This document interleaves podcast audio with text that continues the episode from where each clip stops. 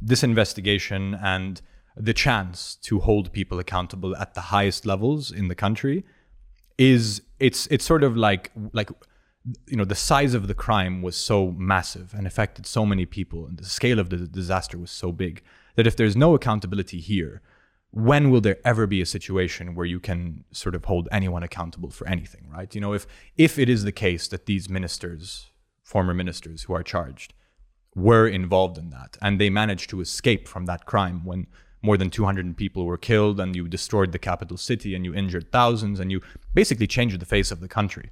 Um, then it really sets a precedent right? And so that's why i think this for many people first and foremost the families of the victims is sort of the like it's the hill to die on. You know this is the fight where you really give it everything because if you lose this battle then you might lose the war J'ai eu le temps de, de réfléchir sur la condition humaine.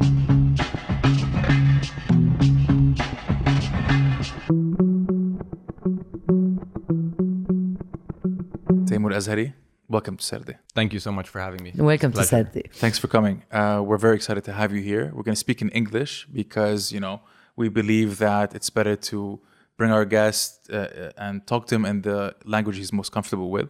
فاذا ما بتفهموا انجليزي ايه فيكم آه، تروحوا على يوتيوب اذا انتم بتتسمعوا علينا على سبوتيفاي ابل حيلا streaming بودكاست حيلا platform. ستريمينج بلاتفورم ورح يكون في Arabic subtitles سوري عم بعذبكم يعني ما في عذاب.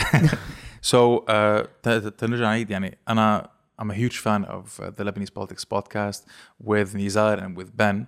Uh, you guys are always in my head, and now here you are in all your glory. One of you at least. thank you thank you I, uh, And um, I think the, the, the initial question that we must ask is how was the impromptu digital blackout that we experienced not so long ago? How did that treat you? that was uh, i mean interesting i feel like my fingers were kind of moving on their own yani not not knowing what to do um, I, I found myself uh, screenshotting something on twitter and wanting to post it on instagram something about the instagram shutdown and just you know you're stuck in that loop Stuck in You're- that you're- loop. yeah Oh, you're shit, just like deserves going back and forward it was yeah and you guys Uh, I think it was it was. I was very mean, happy. Yeah, I mean, it, wa- Really it was as if you know you were in a classroom and your teacher told you to shut up, and so everyone shut up for at least a pretty long time. like Yeah, six no hours. WhatsApp notification, no WhatsApp group, ting, ting, ting, ting, you know, at uh, some point. But no. Anna, for me, uh, I'm banned from Twitter. I don't know why. I'm suspended. So I couldn't uh, read your tweet. And usually I, I see them on, uh, or on Instagram or someone forward them on uh, WhatsApp. So I couldn't uh, Hey, so, so, so, see what you wrote so, yesterday. so why is that? You're you're a correspondent with Reuters, right? Yeah. So right now, I mean, I'm I'm with the Thomson Reuters Foundation, which is like the charitable arm of Reuters. They cover uh, issues like human rights, digital uh, digital rights. Uh, the environment is a big one. They cover climate change extensively. Um, and I think when this gets released and when, when the viewers are, are watching, I'll be with Reuters. Uh, I'm joining the, the Beirut team as the deputy bureau chief for uh, Lebanon, Syria, and Jordan. Congratulations, man. Thank you. Congratulations. Yeah. Uh, the podcast is currently in a, in a sort of limbo state. Uh, you know, I'm happy to be on this podcast, and I'm happy also that you guys are pretty regular. You know, you guys put it out almost every. We try to be, uh, yeah. almost every week, unlike some other podcasters who perhaps work with Lebanese politics. Uh, it's, it's been a while since August 4th. I think we haven't put one out, but everybody has jobs. Uh, you know, Ben has his own thing going on. So does Nizar, and we try to find time. But, yeah. I, I feel like when did you guys start the Lebanese politics podcast? What was it? Uh, it was actually started by Ben and Nizar around the 2018 elections, so almost four years ago now. And it was first supposed to be just like an elections podcast. Um, I I kept coming on as a guest, um, and I think I joined about a year ago, like full time. You know, as a as a third co co-host. They I think we've done over 100 episodes. Uh, Oh, wow. or something. Yeah. But you guys are catching up in a, in a, in a very short time. Yeah. I hope so. what else have you got to do over the past two years? Yeah.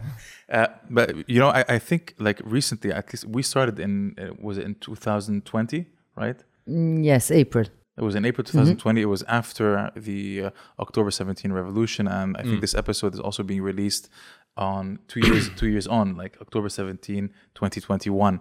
And um, I mean, we, we started getting into a bit, poli- a bit of politics. We started bringing guests that were much more knowledgeable than we were, and I feel like recently there has been this rise of well, not recently, but this rise of uh, alternative uh, media outlets such as Megaphone News and Daraj that our generation are more can can subscribe to more easily. Can are, uh, they have?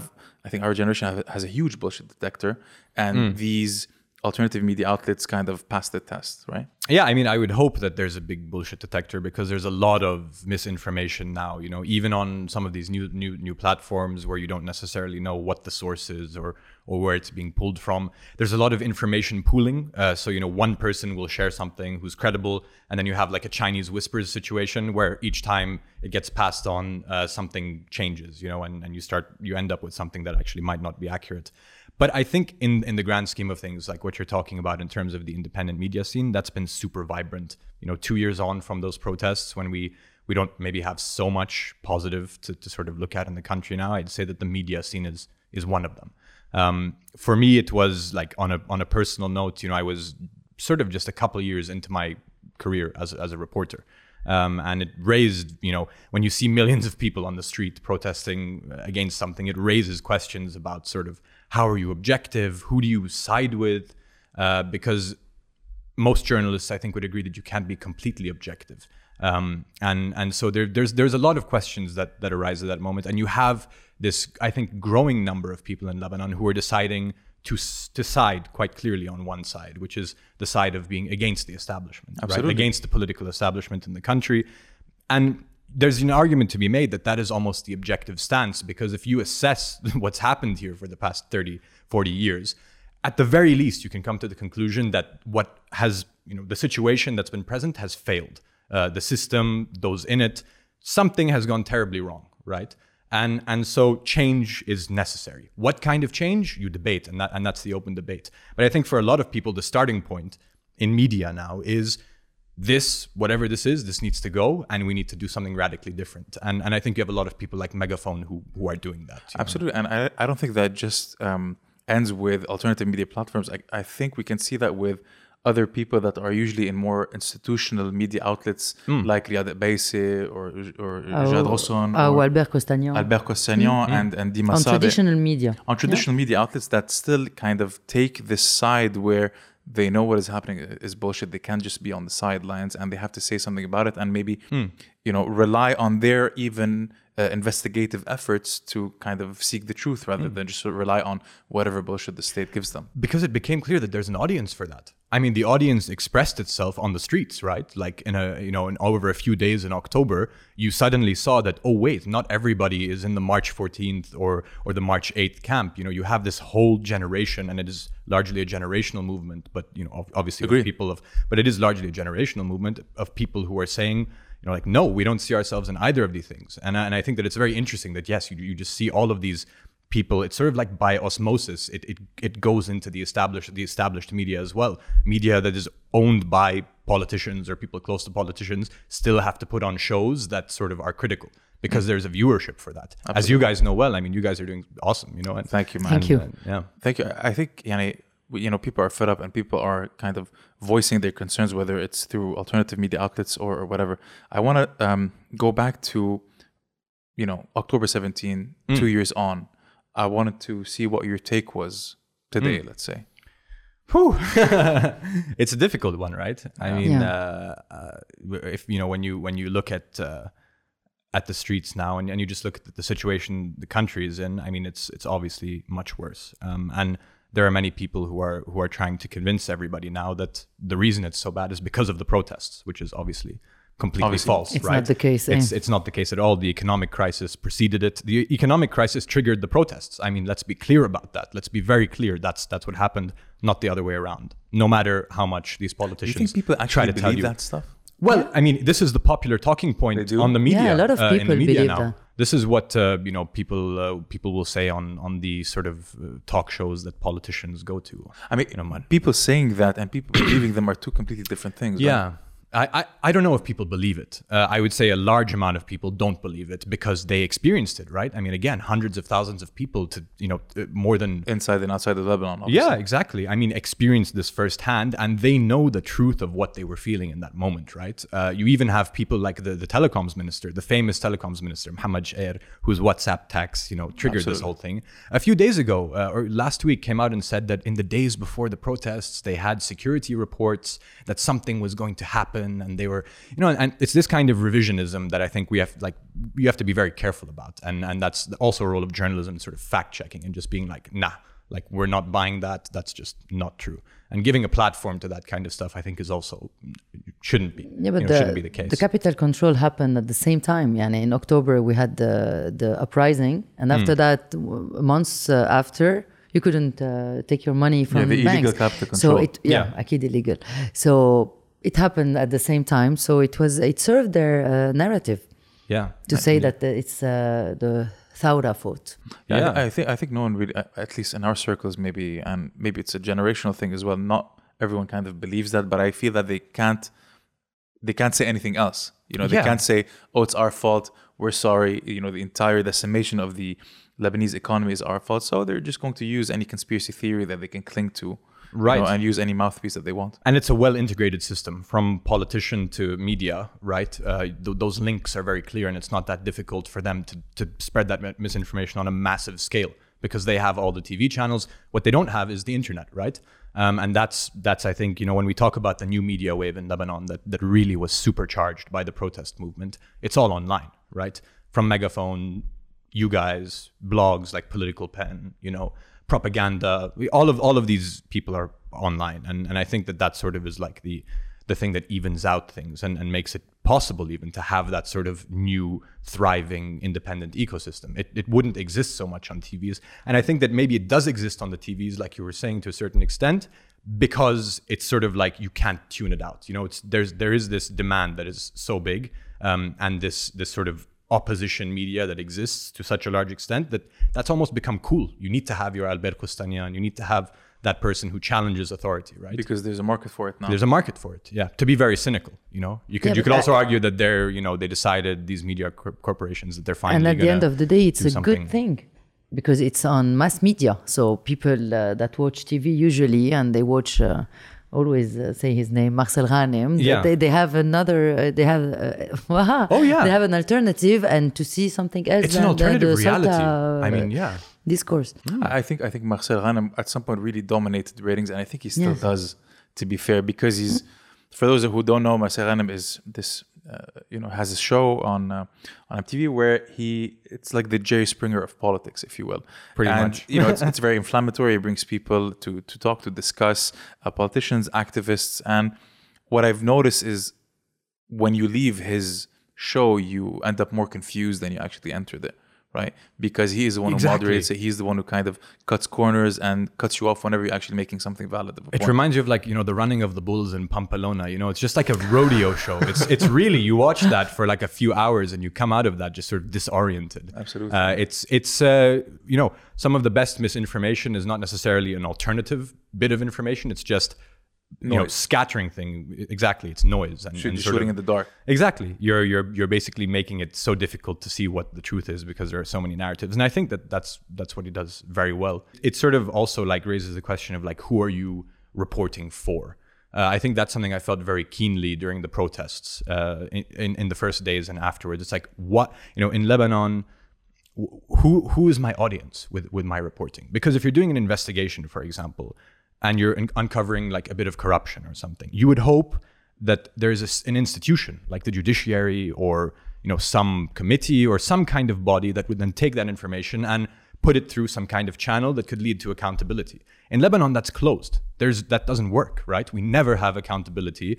No matter if you you know if you found uh, perhaps you know i mean uh, something outrageous. I'm not even going to go into sort of the the imaginatives there but you can find something outrageous out about a politician and nothing will happen to them right? And so that was interesting because i feel like many people in this opposition media and and for a while myself included you feel like you're reporting for the people and for a future country that doesn't exist. You're sort of creating this log and in the worst case you're just writing history um, and and you know or the first draft of it at least and hoping that someday maybe that'll become of use because the institutions in Lebanon are, are so dead that you, you can't really hope right now that, that you'll get justice through through reporting something like that. You have to rely on people. You have to rely on people. You have to rely on some sort of general consensus that you're doing the right thing. Yeah. Yeah. And so and so two years on after October 17, I feel like the the political class right now, whether we have the government, whether it's the same government or it's a new one, whether it is uh, overseen by Najib Mikati, Saad al-Hariri, or whatever, or, or whatever pawn, be it Hassan Diab or, or Hayallah Shi, um, I feel like they're doing kind of like their victory dance these days and they're resorting back to their old antics and tricks as if nothing happened. And they're not even going into the whole technocrat kind of um, aspect of politics. They're just bringing in their own men. At least the deep state remains as it is. And we're not really progressing as a nation at least on a political level I mean, you know, I would uh, a very journalist thing. I would even flip it on you there and be like, you know, you guys are active in the in the in the, in the opposition sort of movement. Do you feel like there is you know political activity happening in, in the country now? How do you feel after after two years seeing what's happening?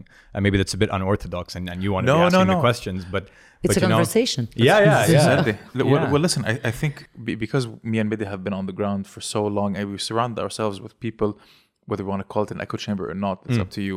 But we have what the way that we see things, and correct me if I'm wrong, Medea, is we look at the milestones that we were able to achieve from October 17 until now, and we don't see, we, we, you have to see them as a cumulative kind of effort, be it Right. the uh, what's it called the, the student elections be it the syndicate elections that we're talking about the engineering uh, syndicate we're talking about the uh, lawyer syndicate. We're also talking about this I, i'm going to go a bit sociological here but right now politics is being discussed under every single roof in beirut and even out, sorry not beirut lebanon and outside of lebanon so that kind of zeitgeist that cultural change is something we can look forward to Right. now uh, a lot of people say that you know the parliamentary elections are the make it or break it kind of situation.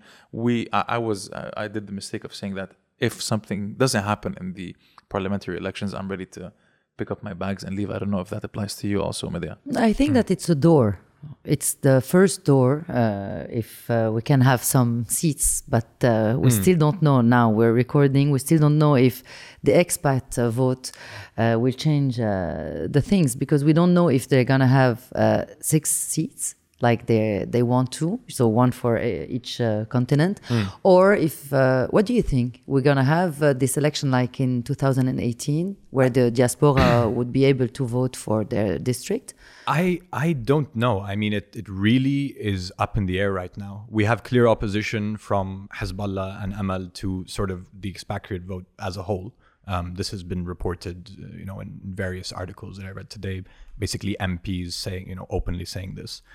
The the Free Patriotic Movement, you know, Ba- Bassil is is basically saying we don't want to change the law in any way. Let's hold the expatriate votes.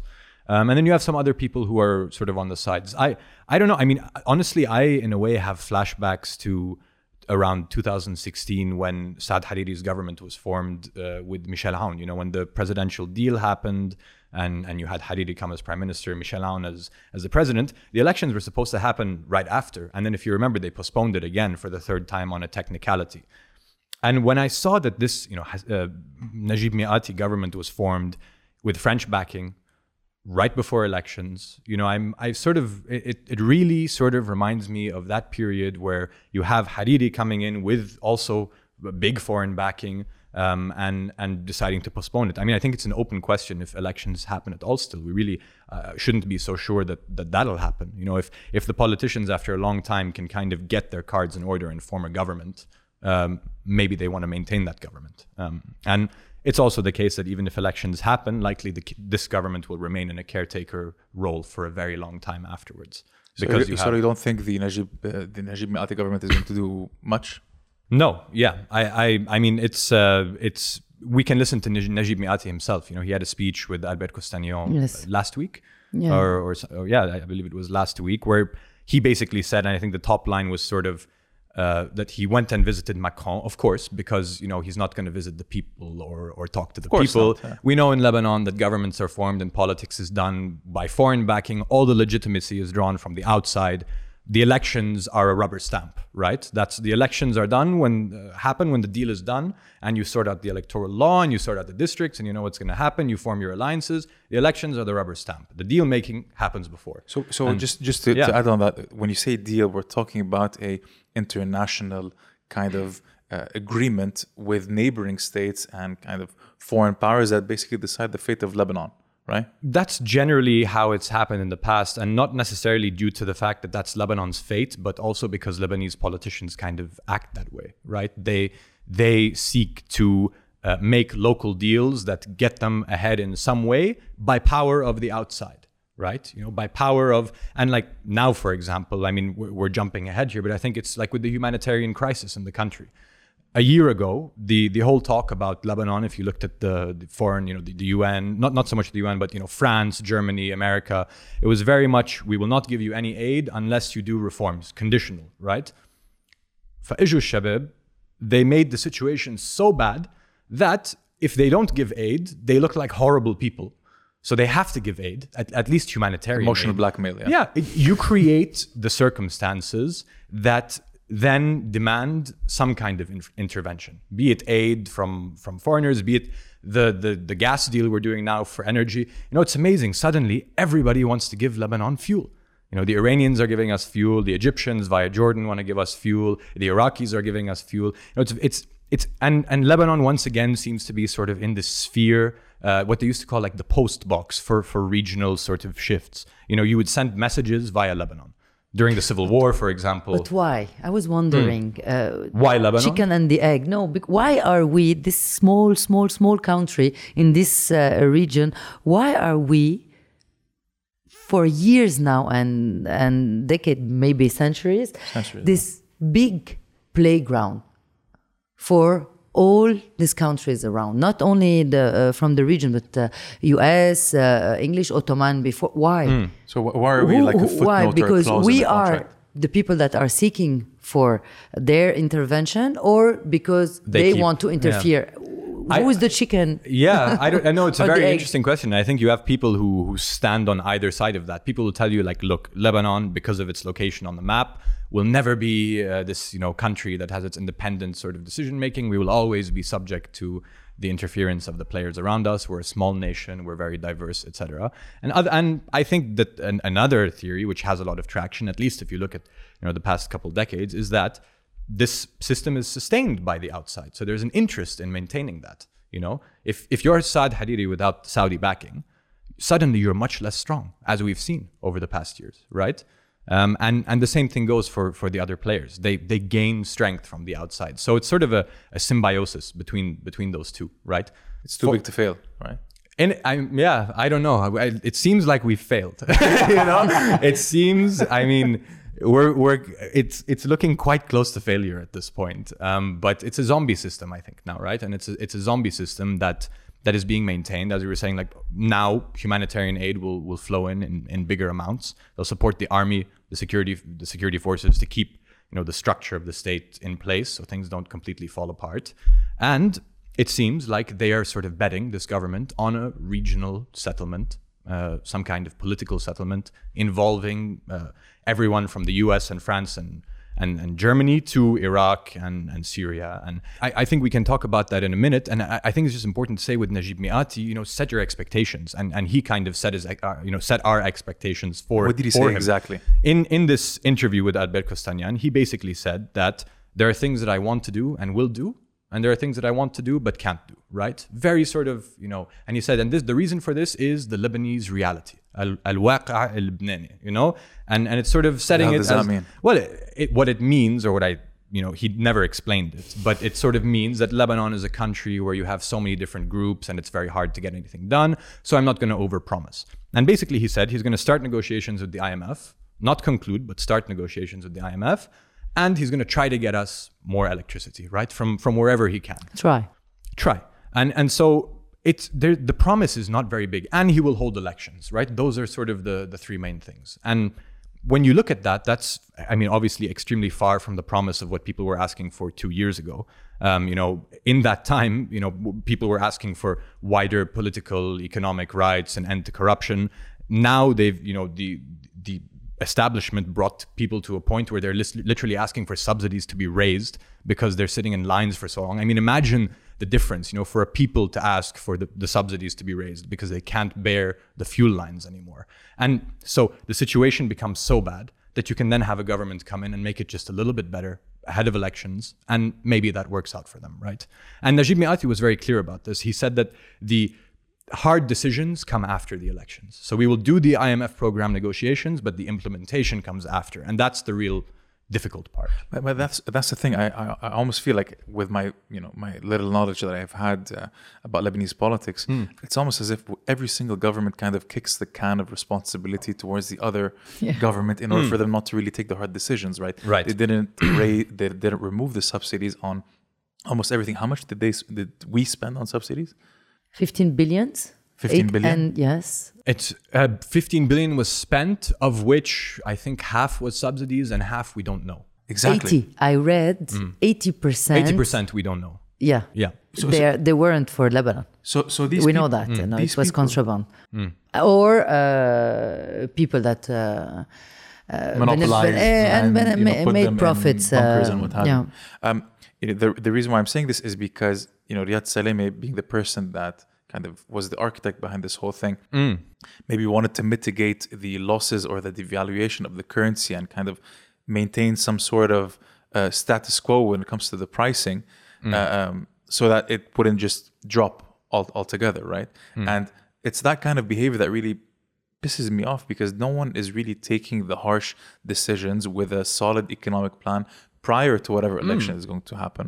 And it's it's very frustrating because everyone is incompetent. No one really knows what they're doing. And when you see uh, you know I, I might have a bit of blowback uh, saying this but seeing Najib Mikati talk regardless is kind of a step up from seeing Saad al-Hariri talk.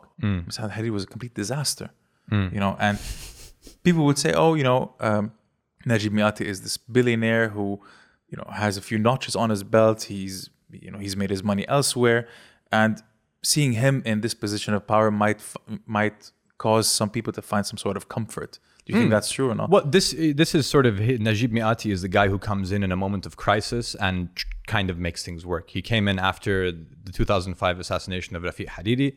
He came. Uh, he also came into power in around 2011 when the Syrian civil war, you know, then revolution was turning into a civil war and came in in politically turbulent times and that's sort of his thing. He forms governments relatively quickly. He comes in. He kind of gets you from from one uh, as he described it actually in the interview from one side of the of the bank the river bank or the lake to the other right? He he does the safe crossing and allows you to just get things going so that you can then move on to the next stage. And that's his selling point. And i think that in, in effect he actually has quite an easy job ahead of him because after because he doesn't have to do much.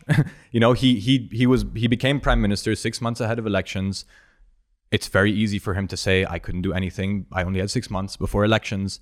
Um, and he, you know, th- so so there's there's very little expectation, and I think that what people actually expect is, you know, these days is you know lack of lack of lines at the gasoline station uh, to a large extent. I mean, the thing that that's that's still true despite all of this is you have a vibrant social movement in Lebanon. There is actually politics in the country now. You know, there didn't used to be politics. It used to just be Zaim X, you vote for this guy because you're from this religion, and half the population didn't vote because they were like, I don't see myself. more in of the same. Yeah. Yeah. Now you have a real diff- you know, you have a third way in Lebanon almost of, of politics, which is no, like I I want to actually, you know, be sort of left wing and support left wing policies, or I'm a bit more right, and, and that's a great debate. or to- centrist yeah, and it's it's a debate that's in an in, in its infancy in the country. Uh, unfortunately, maybe because elections are so close, but it is a debate that's happening, and I think that that is something.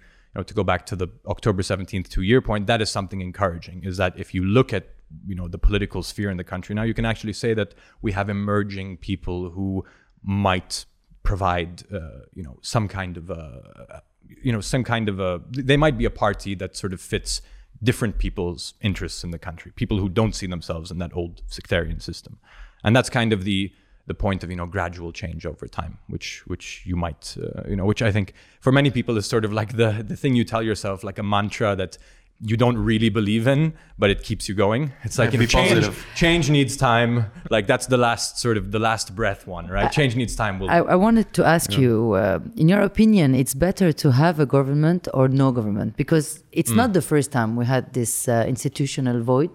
We we spent 29 months without uh, president.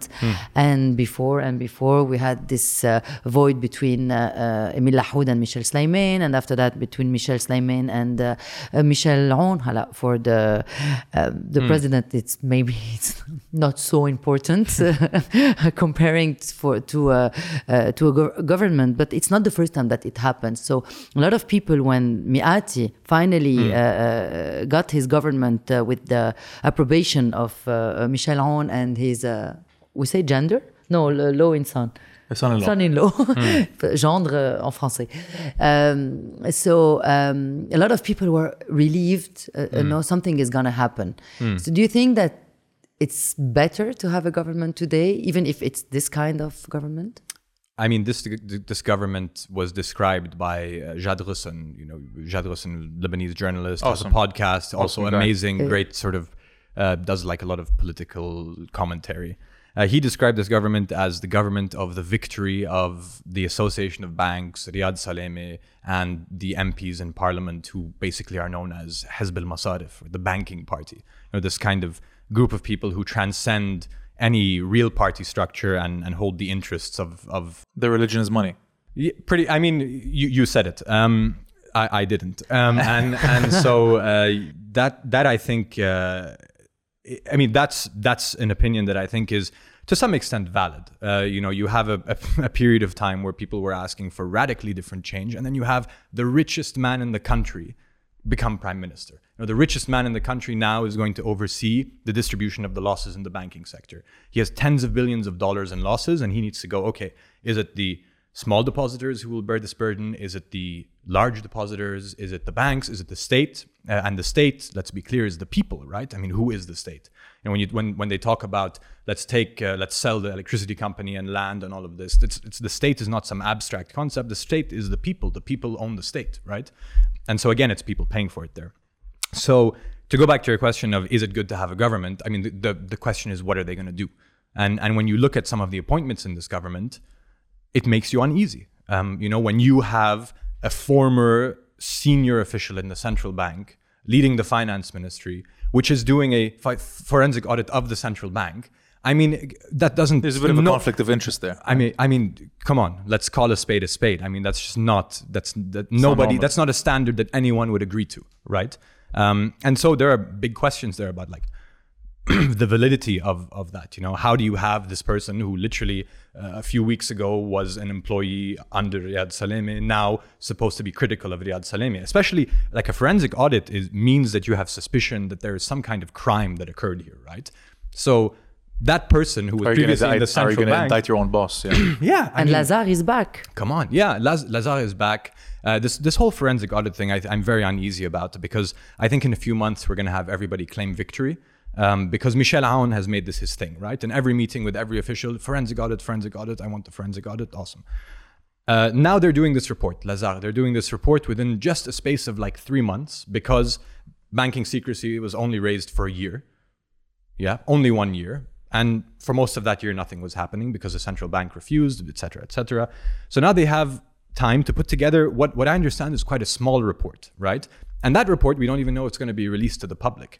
When that report is issued, I think you're going to have Michel Aoun claiming victory. Look, we did the forensic audit. Awesome, done. Everybody else, بيرتاحوا. They, you know, they, they, they say, look, we did, we did the forensic audit. That's So, so, you're, Put so that what you're aside. saying is that the, the Lebanese, uh, sorry, the forensic audit is going to be done on their terms because if I'm not mistaken, Certainly. Lazar was actually brought on It was board. the first, the was- first cabinet. it was the first, yeah, it was the yeah. first company that was brought in by the Lebanese government. At least Mm. not really brought in, but they were maybe negotiating on bringing them in to kind of assess all of the losses of what was happening. And now, Mm.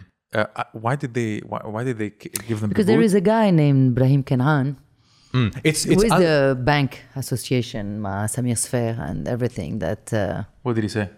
he didn't say. He did. Yeah, I mean, we have to be clear that there, there's so there's the forensic audit, which is Alvarez and Marsal, right? And there's Lazard, which did the the, the government's financial plan. Uh, both of those were were destroyed um, by different forces Destroyed within how? within Hezb al Masraf. The forensic audit by the refusal of the central bank to provide everything from documents to literally office space at the central bank. I mean, you have to imagine if you want to audit a place, right? There's bunches of documents around you. You want to have access to the Just go to documents. Starbucks, You want to have access to the to the staff. Maybe you want to talk to them, ask a question. No, they're they're going to be like at a hotel somewhere and request documents and then get it sent to them somehow, right? I mean, the, all of these things create sort of- transparency, yeah. no transparency. I mean, the, the process, I think we can say from the start is sort of one that you have extremely little confidence in. Obviously, we hope we're proven wrong. But so that's the forensic audit, right? And I think that, as I said, in a few months, I think they'll, they'll do this preliminary report. They'll be like, dope, done, finished, let's move on, you know? Um, the, the other side is the financial plan, you know, the financial plan of Hassan Diab's government, which distributed the losses in a way where the banks um, and large depositors would have had to carry a large amount of those losses. And anybody who has an, a bank account under five hundred thousand dollars, which is pretty good, it means like low, like you, you know, people who are poor but also middle class, like upper middle class. Those people would get their money back. That was, you know, the plan of, and, and there are criticisms of that plan. You know, no plan is perfect, but that plan was then fought tooth and nail by Hezb al Masarif, which is the, the Finance and Budget Committee in Parliament, um, led by Ibrahim Kanaan. The number two on that committee is Ola Nahas, who is now a top advisor to Najib Mikati, the, the prime minister. Uh, they're they're in the same political bloc, and it has that committee has people from all across Lebanon's political spectrum. And when that plan was put forward by Hassan Diab's government, in uh, you know in consultancy with Lazard, they you know they they launched a, a, war on on that plan and they they fought it to the extent where even Hassan Diab's government didn't even defend it anymore. Didn't they call they them were, Zionists at some point? They that was uh, with the forensic audit. The first company Sorry, they were going to get uh, I, its name uh, I, I forget its name now. No, but the first Lazard company also. I think it was with Lazard. It was with Lazard. Yeah, are you sure? Yeah. It was Kroll. Kroll. Shakit Kroll, Yeah, I it think. was Okay, Kroll. Kroll. And, Yeah. and Lazard also. Yeah, they Yeah, because we you know, there are a very Lebanese easy- people easy in answer. they, Lazard. they all have offices in Israel. I mean, that's just a thing that you know. It's a you know global hub. People have offices there. It's uh, sort of a straw man argument. But but yeah, they uh, there were all kinds of uh, all kinds of things said, from Zionists to uh, communists wanting to end Lebanon's free banking system to you know which I mean, look around you. Does this look like a free market to you? You have uh, literally cartels controlling every single thing there was an economist I, I, I forget whose whose name it was that you uh, who- said that in Lebanon you actually have to privatize the private sector because it's so controlled by these forces who are you know in effect public for I mean they're they're the, the politicians right? You have to privatize the private sector in Lebanon because it's so controlled. Um, yeah. So that whole financial fiasco uh, is is ongoing, um, and and I, I think that we'll we'll see it uh, over the next few months kind of come to uh, an amicable conclusion. Um, and and and we have to see we have to see what the government afterwards uh, does. You know, you you you never know, but uh, but certainly not this government. I mean, if you again, if you look at the people at the top here, they're not the people you would probably trust most to distribute losses equitably when they literally are tied to the banks. And since we're talking about Mikati, can we talk about the Pandora box? I like to call it Pandora, Pandora box. because- Papers. yeah, the Pandora Papers because it Right. comes from Pandora box, so it's Absolutely. exactly Yeah. the same. So, So Timo, can you can you explain to us and, and the viewers and listeners Hmm. what are the you know Pandora papers that came out not too long ago and what do they mean and why is Lebanon at the top of the list of the country that has the most offshore accounts Hmm. in the world? Shibi Sharif. man. Should be Yeah. Yeah, Yeah, we're the- number the- one with biggest tabbouleh and uh, tabbouleh, biggest Pandora tabbouleh. Papers. Istanbul, biggest, most offshore company. it's great. truly, truly brilliant. ridiculous. Um, so this is an investigation, a global investigation that I think was done over 18 months, biggest of its kind, 600 journalists. Uh, you know, ma- I think more than 100 countries uh, covered. the, the men and women at Daraj Media also were Exactly. in Daraj Media in Lebanon are part of the ICIJ, the International Consortium of Inter- Investigative Journalists.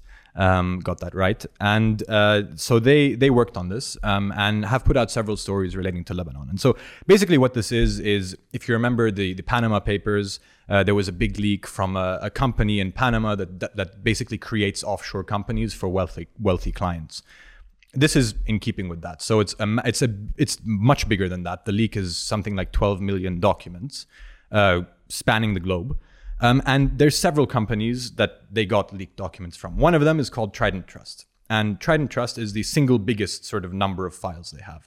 Within Trident Trust, Lebanon is number one. So there were 346 offshore companies created for Lebanese bankers, politicians, their families, etc., etc um, followed by Britain at like 150, right? So like by far, Lebanon has the most offshore companies in in that firm. Um, and it's important to say that the fact that you made an offshore account doesn't mean you've done something illegal. In fact, no, it is legal to make an offshore account, right? But It means that there's a bit of suspicious activity, right? People kind of resort to using offshore accounts so that their money isn't tracked. Well, it's why do you want? Why don't you want your state authorities to know how much money you have, or sort of where it is, or yes, I mean they're of, of- often used to evade authorities and evade taxes to a large extent, and to stash ill-gotten gains. You know, money that you've made in a way that that does not fly, that is not legal, uh, to, to, to to use a you know a non-colloquial term. And, yeah. and, you know, the- Lebanon with with all these all this money that was stolen and we don't know where it is. It is, you know, it, it's it's pretty scary to see how maybe there's the possibility of knowing where that money has gone through these Panama uh, papers. It seems Uh, like a good- the, Pandora- the Pandora. Pandora. yeah papers. it seems like a good place to start right i mean when you when you have a tiny country like lebanon which really by almost all standards is i think you know one of the worst places to be in the world right now. Like three quarters of the population are poor. You have a quarter of the population who need food aid. The social affairs minister says that more than 70% of the population needs some kind of aid be it money be it food be it fuel.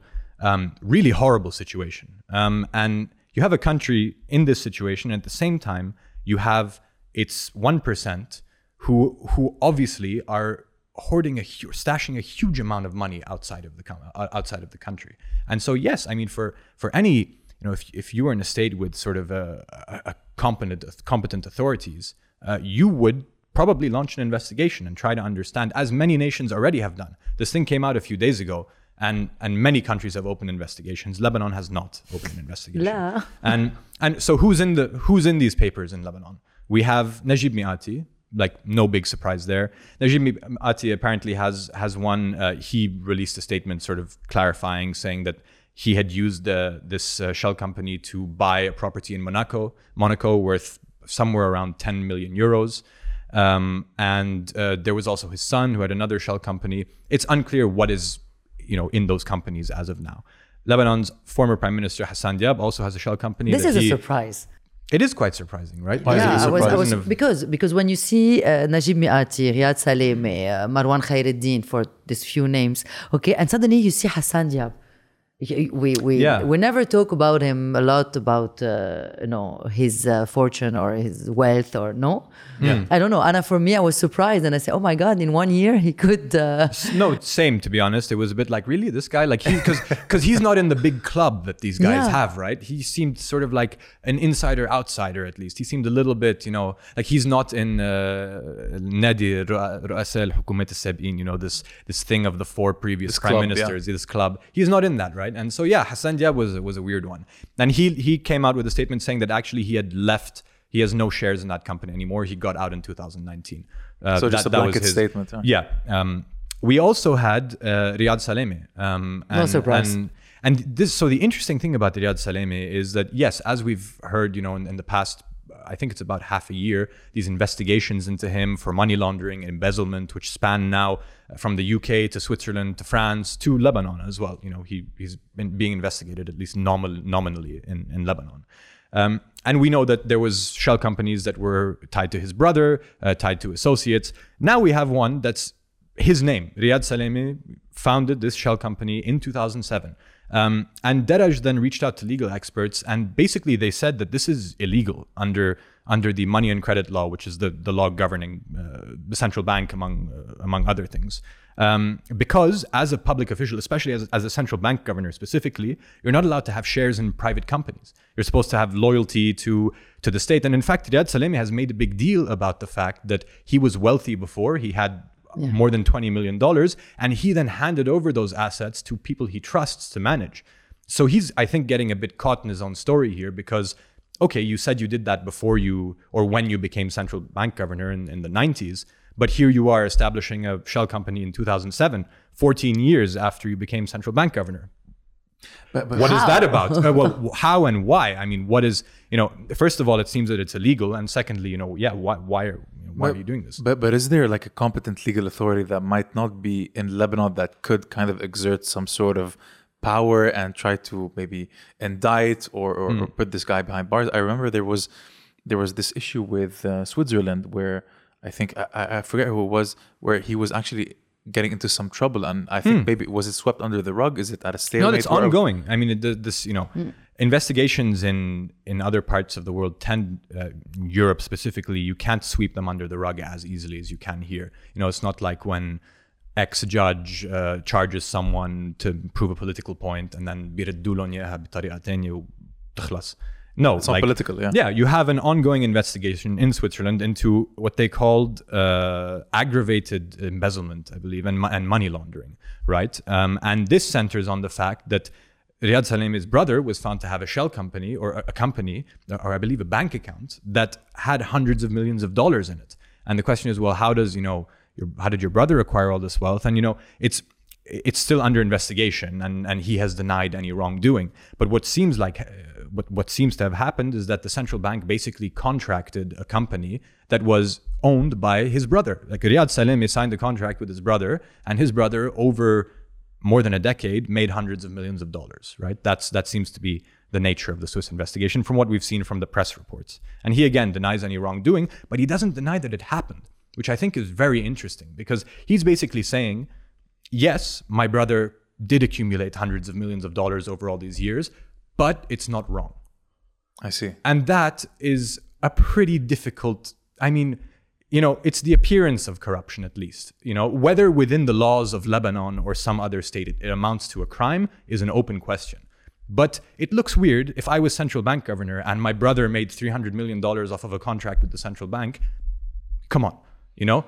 Yeah, I, I see what you mean, and uh, you know, I I look around, and not long ago there was Nicolas Sarkozy that was kind of sentenced to be put behind bars, I, and I couldn't help but hope to see the same kind of imagery applied to politicians in Lebanon, albeit I don't- know if it's impossible, but I still have hope that there's some sort of maybe I don't know system or the judicial system that kind that may be able to redeem itself. I mean, we're seeing that right now with Tariq hmm. Bitar, uh, the Judge Tariq Bitar, who is you know the lead uh, uh, judge in the August fourth investigation. I can't but think, but th- there might be some sort of maybe glimmer of hope that we can kind of cling to. especially after the speech of George Erdehi. Two days before, he said that we cannot touch the politician, and he took uh, as an example France, and suddenly you see Sarkozy, Behind bars. yeah, behind bars. It was great. So It's Georges Erdeh came out and said that uh, we shouldn't, uh, that the media shouldn't offend the dignity Yes. of politicians. I love and then, And then El Jadid came out with, uh, you know, they have that pre thing before the news, the the statement that they make, you know, which is always nicely written. And they were like, yeah, that should be easy because the politicians have no dignity. So so so we can't offend their something that doesn't exist, you know. Um, yeah, I think you know the the blast probe. I think is is is more than a glimmer of hope. It's like the last glimmer of hope for a lot of people in the country. It sort of feels that this investigation and the chance to hold people accountable at the highest levels in the country is it's it's sort of like like you know the size of the crime was so massive and affected so many people and the scale of the disaster was so big that if there's no accountability here when will there ever be a situation where you can sort of hold anyone accountable for anything right? You know if if it is the case that these ministers former ministers who are charged were involved in that and they managed to escape from that crime when more than 200 people were killed and you destroyed the capital city and you injured thousands and you basically changed the face of the country um, then it really sets a precedent right? And so that's why i think this for many people first and foremost the families of the victims is sort of the like it's the hill to die on. You know this is the fight where you really give it everything because if you lose this battle then you might lose the war you know? Um, and yeah. I, I, th- I think that's a dangerous thing. Maybe I don't know if it's dangerous, but you know, we were talking to Ross the other day, and what he said is we really shouldn't put all our eggs in one basket. It will, you know, help us to achieve some sort of closure, definitely. But what whatever verdict may come out, we should also think about how we can kind of translate, you know, that verdict into some sort of uh, popular mobilization to kind of actually change something in, in a different way, maybe through through through voting, through democratic processes, through maybe violence. I don't know, but there is something that needs to change, and whatever channel we resort to will have to will have to happen. It's part of the i mean it's definitely you know the part of the greater shifts in Lebanon in, in terms of politics and in terms of what's happening, the anti-establishment uh, sentiment in the country. I mean, the the families of victims. I went to a recent protest, were supported by people in the opposition. Right at those at those protests, you always see families of victims and like Lebanese opposition activists who you would see at any protest. Traditional opposition. We're talking about people or political parties that do not have a piece of the pie right now and are It depends. I mean, you had you had people who were actually opposition. You had some Lebanese forces people as well, right? Exactly. Yeah, and and th- there people are trying to ride the wave, and it was very clear at that protest. And I think it's maybe important to talk about that.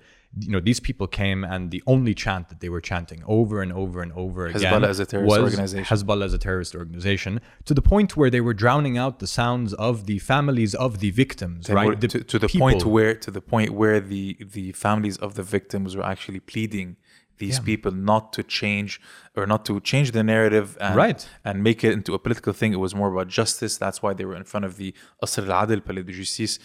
It, it, it was difficult to watch because on one end you're like, yeah.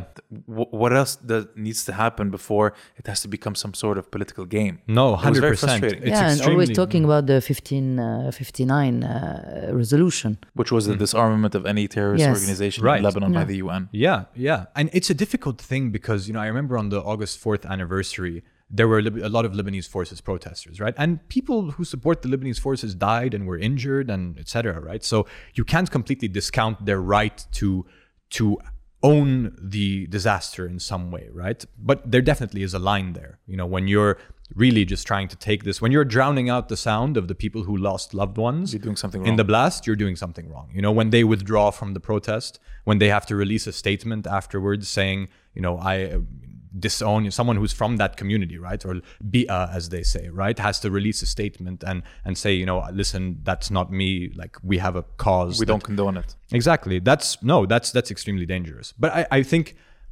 I you know maybe on a on a weirdly hopeful note there, I feel like there is now in the country a sense uh, of sort of around that issue and around other issues. It's it's not like what has happened since October seventeenth can be extinguished or pulled completely to one side or the other. It's its own thing. You know, it is its own thing, and and sort of that opposition. I think you know parties can try to exploit the narrative and try to pull people in, in different directions, but I think that is now strong enough to at least continue to exist on its own, right? And do you, do you think that uh, the um, the pressure of uh, the people, the the families, and the social media that happened with the signature? You know, remember of Right. uh, uh, Future Movement, Amal, and uh, Hezbollah.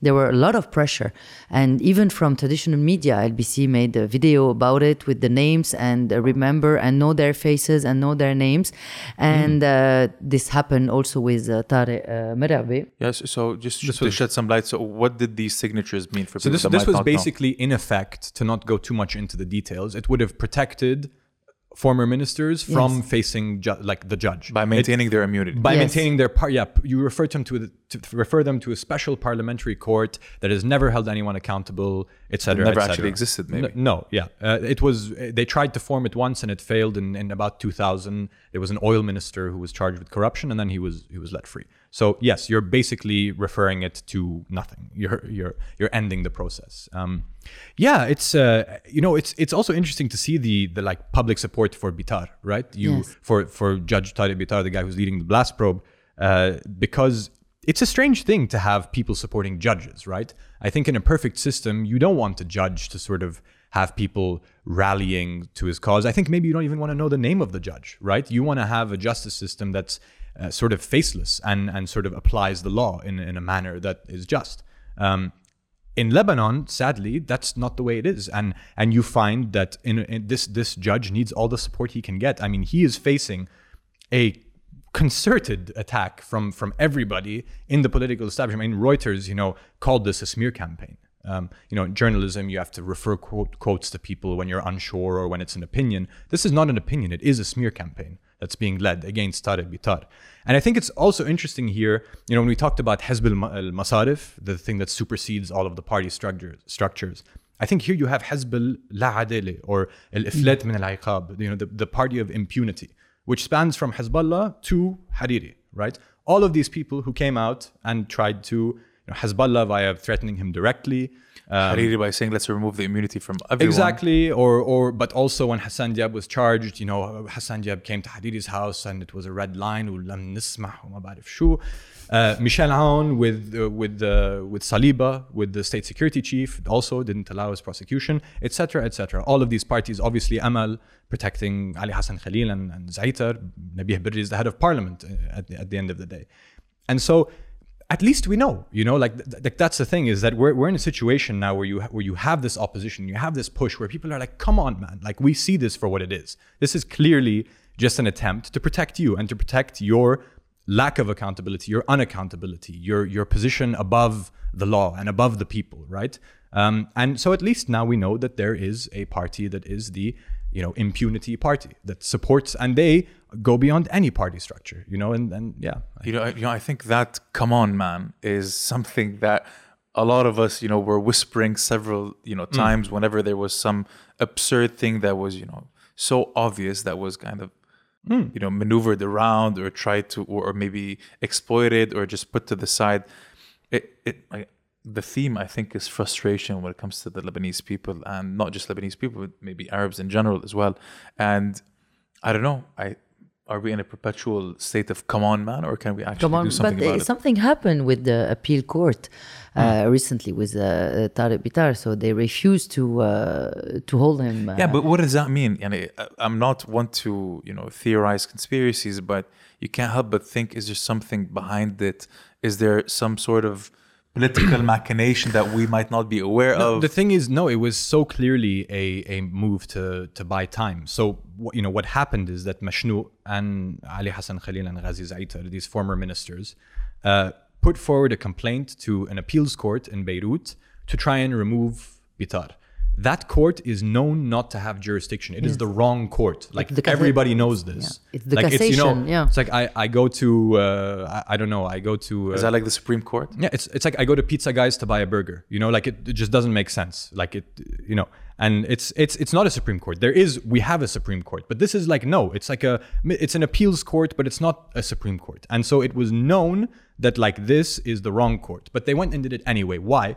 Because when when this complaint is submitted, uh, the judge like has to you know it takes time. You have to inform the participants in the in the in the case, etc. And there is a window now where these people, who are all sitting MPs, don't have parliamentary immunity because the government was formed. It's something in the constitution. It's just the way it works. Their parliamentary immunity is lifted because parliament is no longer in session. Absolutely. Officially in session, right? And that goes until mid October. I think around October 16th. It's like, you know, the constitution is like the second Tuesday after X, right? Um, and so what they're trying to do is basically just get across that space. You know, he set interrogation dates for them. They filed this thing at the wrong court. And I think they expected it would take a long time to sort of go through. What happened is the judges were like, nah, dude, like this, no, like this, you know this. And they fined them, come on, the court fined them. They were like, you know, you, you like, we're, we're finding you 800,000 lira for doing this because like it's, you know, this is obviously the wrong, wrong thing to do. It's basically obstruction of justice. Absolutely. So now we're in a situation where, when this is being recorded, I mean, we're, we're going to know when this is released if they were heard, uh, because Parliament, I think, will be back in session like the, the two days after. But now there's an opportunity again, you know, for, for these people to actually be interrogated. And if they are interrogated, what, what you hear from like judicial sources is that there's it's likely that at least one or two of them will be arrested. And that would be a precedent in the Lebanese Republic of actually having a, a former minister and MP arrested. Um, and also, if the if the investigation is initiated at this point where they don't have immunity, then he can continue, because khalas, he's in. But if they manage to get to the point where their parliamentary immunity is back, then they will have the protection of parliament, which is all of their friends, their buddies. Um, and then the next opportunity is, I think, in January. Parliament is out of session again, and he can try to do this again, right? So it's a it's a seesaw. It's a difficult game, right? I mean, th- this guy is, you know, the, the judge is trying to schedule interrogations with these people. He's being fought tooth and nail at every single corner. Uh, there's there's another case pending at the Lebanon Supreme Court, the Court of Yes, Cassation, Youssef, uh, by, by Fenianos. Youssef Fenianos, the former public works minister, also seeking to get him dismissed. That could take a few weeks. It could take months. We don't know. Um, so there's several processes ongoing to try and get him removed, but he continues to sort of go at it, right? Which is, I mean, something you don't see. Um, in, in the Lebanese judiciary, in in public Anywhere else in service. world, yeah, you know, public service altogether. Yeah. Um, you know, w- when you when you see how these politicians try to slither around, you know, being indicted or being put behind bars, a lot of people always kind of resort to looking at outside forces to kind of govern and to you know, Right. put their foot down or try to have their way. And right now, there's a lot of talk of maybe an outside force that is a bit more closer to home, which is Syria, coming into play yet again. Uh, Syria was obviously, you know, take, well, not Syria. Sorry, I apologize. The regime. The Syrian regime was controlling Lebanon for the longest time up until 2005, right? And then, you know, an entire uprising happened and the Syrian regime was ousted.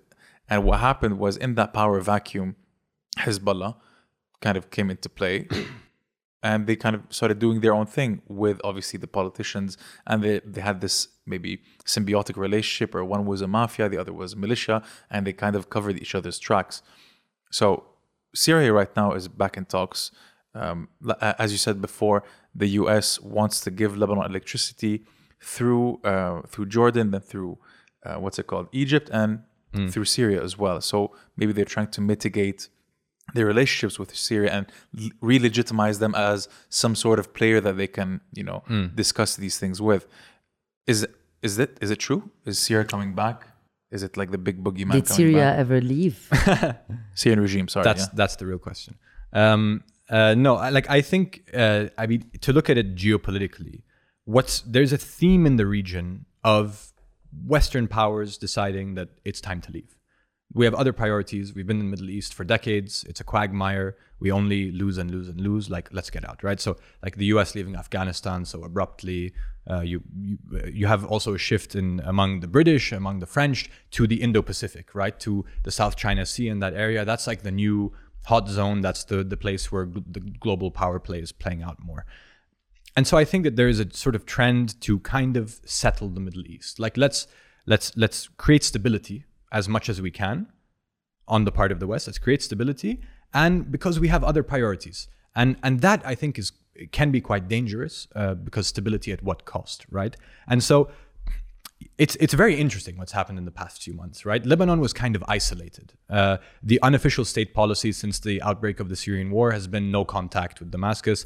Every time a minister would want to go, it would be a national scandal, and you know it would last for a week, and they would not would forget about not have a cabinet session, ukaza, and then eventually they would go or they would not go. Um, now the situation is so bad that hey, there's a chance for new political sort of uh, political a new political path to be charted maybe. And what was interesting is that all of this sort of happened very quickly. There was no electricity in the country because there was no fuel. Hezbollah Secretary General Hassan Nasrallah comes out, gives a speech, says, if you can't do it, we're going to bring fuel from Iran, right? And then he warned about it uh, for, for a while, and then he said, halas like, we're doing this. I believe it was the next day or the day after, the US ambassador calls Michel Aoun and says, We uh, would like to help you get electricity through Syria from uh, basically Egyptian via Jordan through Syria to Lebanon, right? Which is in complete contravention of the Caesar the Caesar law, which you know is in, uh, was put in place under Trump, bans any sort of dealings with the Syrian regime because of their war crimes, um, their mass killings of, of, of people in Syria, and so very interesting because the you know the Hez- Hezbollah Secretary General basically says I'm getting fuel from Iran, and then the next day, or I believe it was even that night, the U.S. are like, okay, khalas, like listen, we can actually get you. We can do it too, right? yeah. We, we we can do it too. We'll do it, you know, Egypt, Jordan, Syria, like it'll it'll be fine. At the same time, Lebanon is negotiating with Iraq to bring fuel as well from Iraq to to run its power plants, right? And it's sort of like like and as we talked about about a bit earlier, like suddenly everybody wants to give Lebanon fuel. Like, what does this mean? Why is this happening? And and I think that there is a movement in the region. You know, the fact that you have uh, the U.S. allowing this to happen, there is a movement sort of away from the region, a pivot away. And I think the idea is like, listen, let's let's stabilize, let's let's sort things out, let's let's be real. Let's you know? deal with the devil we know. Yeah, maybe. Uh, yeah, I mean, I don't know the the complete th- thought process there, but there's an idea, especially on the part of Jordan and Egypt. Uh, there's there's marketing for Bashar al-Assad that's happening right now, right? And it's also done by certain Lebanese players. Basically, the argument is there is no stability in this part of the world unless Bashar al-Assad and Syria are welcomed back into the Arab Brotherhood, and we can sort of sort things out, right? And I think that that is an argument that is gaining traction among the West because they're like Khalas, like, come on, we- we've been doing this for a while. We want to move on. Like, yalla, okay, what? And they prefer it over Iranian fuel in Lebanon, right? I mean, you know, it's it's sort of like, I mean, you said the devil we know. I think it's m- maybe a bit different than that, but it's you know, it's How different? it's basically a lesser, a lesser, Lesser devil, evil? a lesser. Yeah, devil, it's you uh, like Right. we say in French, uh, you have to choose between la peste et le choléra. Yeah, You know, the between- plague or you know cholera. Yeah. so I, I mean so it's you know and, and so there's that, that global move the geopolitical changes that are happening. And i think that lebanon in a way has become the excuse for it right? It's like look how bad things are in lebanon. People are dying. You know there's the hospitals are shutting down. No school year. Three years without a school year now by the way. We've been in this country. Covid and protests and now this. Um, so it's like okay let's Arab, you know, unity. Let's come together as the the Arabs and let us support Lebanon from Egypt through Jordan to Syria, from Iraq, and and so yes, it seems like Lebanon once again is kind of sort of the the it's not it's not a pawn in this way because in a way we are benefit you know Lebanon is benef- benefiting from it, It's but it's of, the it's more a- excuse. it's more of a clause in a contract, right? Exactly. It's it's the excuse. It's the thawing. It's it's the thing that allows you to thaw the relations, right? You get people talking together who haven't talked for for decades. Um, and and the question is, okay, th- maybe we will have more power. Maybe like Egyptian gas would be a game changer. You could run the power plants we have on gas, first of all, not heavy fuel oil, which is much more expensive, pollutes the environment, and destroys the power plants, by the way, because it has such a high uh, sulfur content. Um, so it, it would be better, right? Egyptian gas would be great, but it's it's sort of like what's the trade off here? Uh, are you trading stability uh, for freedom, for example? You know, you're, you're you're you're gaining stability. You're gaining perhaps a little bit more electricity. You can run the schools, you can run the hospitals, but do you have a minister of information perhaps who seeks to limit freedom and and sort of uh, prevent the press from criticizing politicians? That's the question, and I think that in, in these kinds of situations, that that trade off can always be very sort of it, it can it can be not in the favor of sort of the softer issues like culture and a free press and, and freedoms. And there's always a fear of that in Lebanon. I mean, a Reuters journalist was barred entry to the country. He was deported uh, recently. He's a Reuters journalist who's Suleiman covered. al-Khalidi, right? Yeah, Suleiman al-Khalidi. He's covered Syria for a very long time. Obviously, critical coverage as it should be. Arrived He's at the airport. He's a Jordanian national, right? He's a Jordanian national. Yeah, arrived at the airport. They wanted to search his stuff. He refused, and they deported him. Um, and the, there has been no solid reasoning other than the general security saying it's a sovereign issue. Amr Siedi, which is a non-answer, right? It's it's not an answer. So that's maybe the first kind of symptom of this new regime coming to to, to control. There's another question I think that's that's also uh, interesting to ask. If Syria would be kind of like the umbrella corporation that would kind of manage everything in Lebanon, would Hezbollah also accept that kind of new dynamic? Because Hezbollah right now has been waging war in Syria and other countries. And a lot of people might say that they have been they have become even more powerful than the Syrian regime within Syria, like they're kind of calling the shots. Would that kind of switch uh, be accepted by Hezbollah leadership? You think? The idea among some Arab states, like Jordan and Egypt, is that if you pull Syria closer to the Arabs, closer to Saudi, closer to the Gulf, closer to that fold, you can pull them away from Iran, right? And so, what does Hezbollah think of that as an organization that openly receives all of its funding from Iran, its you know weapons, its support? It's oil. I yeah, uh, it's oil and now our oil. Yeah, By the way, um, uh, I mean, like I am no Hezbollah expert, but I think that it's an, it's an interesting question. Meaning, what what does Hezbollah make of this reorganization? Perhaps uh, I don't know how much it, it changes. Uh, you know, in in the short term. Um, Let's hope to for be the honest, best, basically. yeah, yeah, uh, I mean, at, at this point, they have shown themselves to be the most competent actor, right? I mean, that's clear. They've had, you know, during the protests, they, they suffered a lot, at least in, in the in the public sphere in terms of rhetoric. You know, it the untouchable was suddenly touchable. People were cursing, you know, the, the head of Hezbollah in public. They were clearly saying that they are one of them, right? Um, which was unthinkable. Unthinkable. Yeah. yeah, completely unthinkable.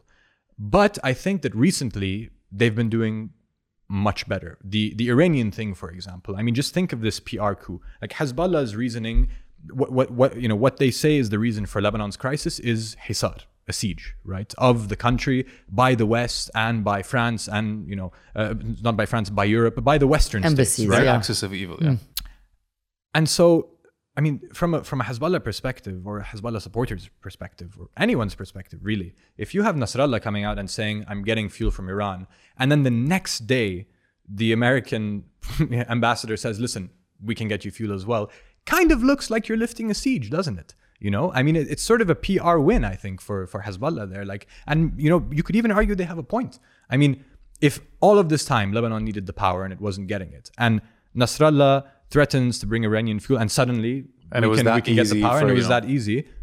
I mean, it's sort of proving your point, right? The other thing was the explosion in Akkar, uh, you know, the explosion that killed more than 30 people. After that, the state, as usual, absent. The parties in the area, absent.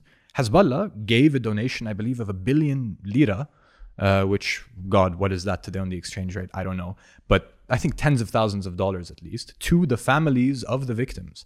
In, you know, this is sort of like breaching a, a line in Lebanon that, like, you know, usually you're not even supposed to think can be breached for between Which you know, a Shia party giving Sunnis and, and Akkar aid, right? And and that's sort of what Hezbollah there is saying, sort of, you know, we are not this Sectarian sectarian, party. that only looks out for our community. We, in fact, look at us here, we're giving money to the victims of this blast.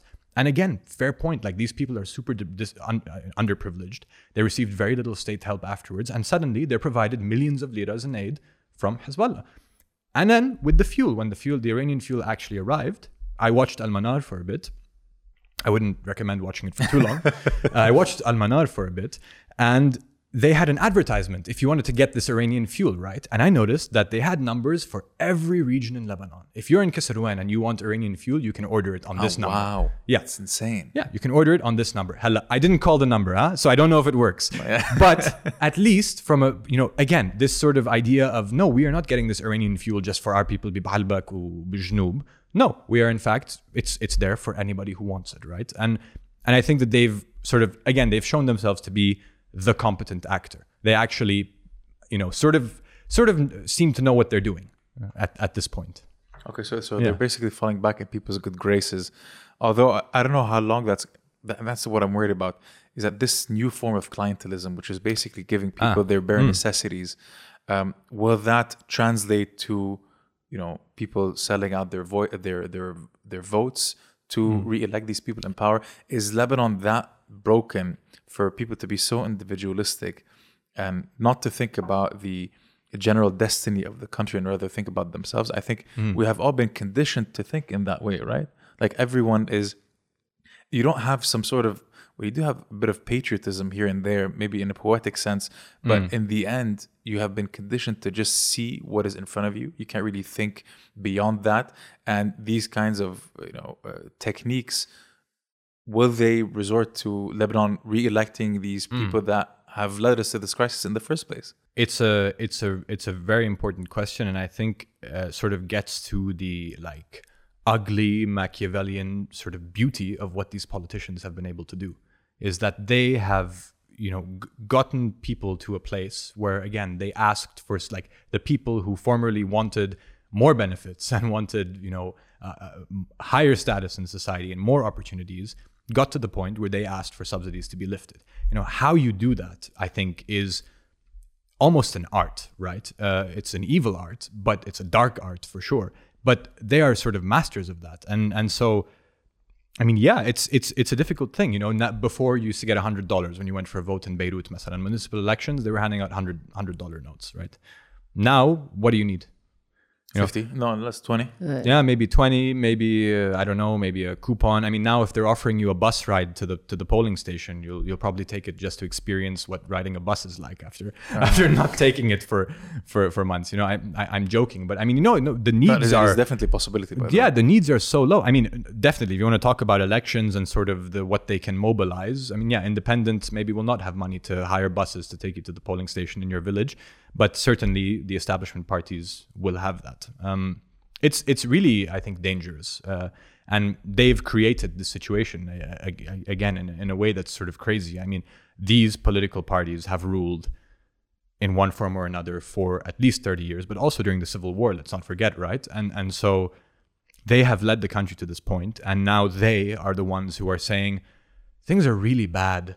Uh, you know, we're gonna try to try to get you guys out of this one, and uh, and you should vote for us because we have foreign backing, and because look, we're talking to the IMF, and and look, we're we're, we're doing a regional deal to get you some electricity. You know, like we'll make things better. Uh, we'll you know we'll do it for you. It's it's it's evil, right? It's it's it's pretty evil. It's, that you- it's, it's, yeah. it's very evil. It's dangerous, and it's it's very worrying. But I think, and I, I keep saying that on the podcast. I think our solace, or or the people that we can really bank on, are those that don't that don't spend all that mental bandwidth on the bare necessities. Right? It's the people Right. that actually live in maybe first world countries that can afford to think on maybe a more, uh, uh, uh, if you want, a, a macro level, which are the expats. So you're talking about diaspora vote, The, basically. the, the diaspora vote, and if it's not, That's why they're so afraid about it, Mm. about this vote. But I didn't understand. I'm, I'm sorry, I'm interrupting you.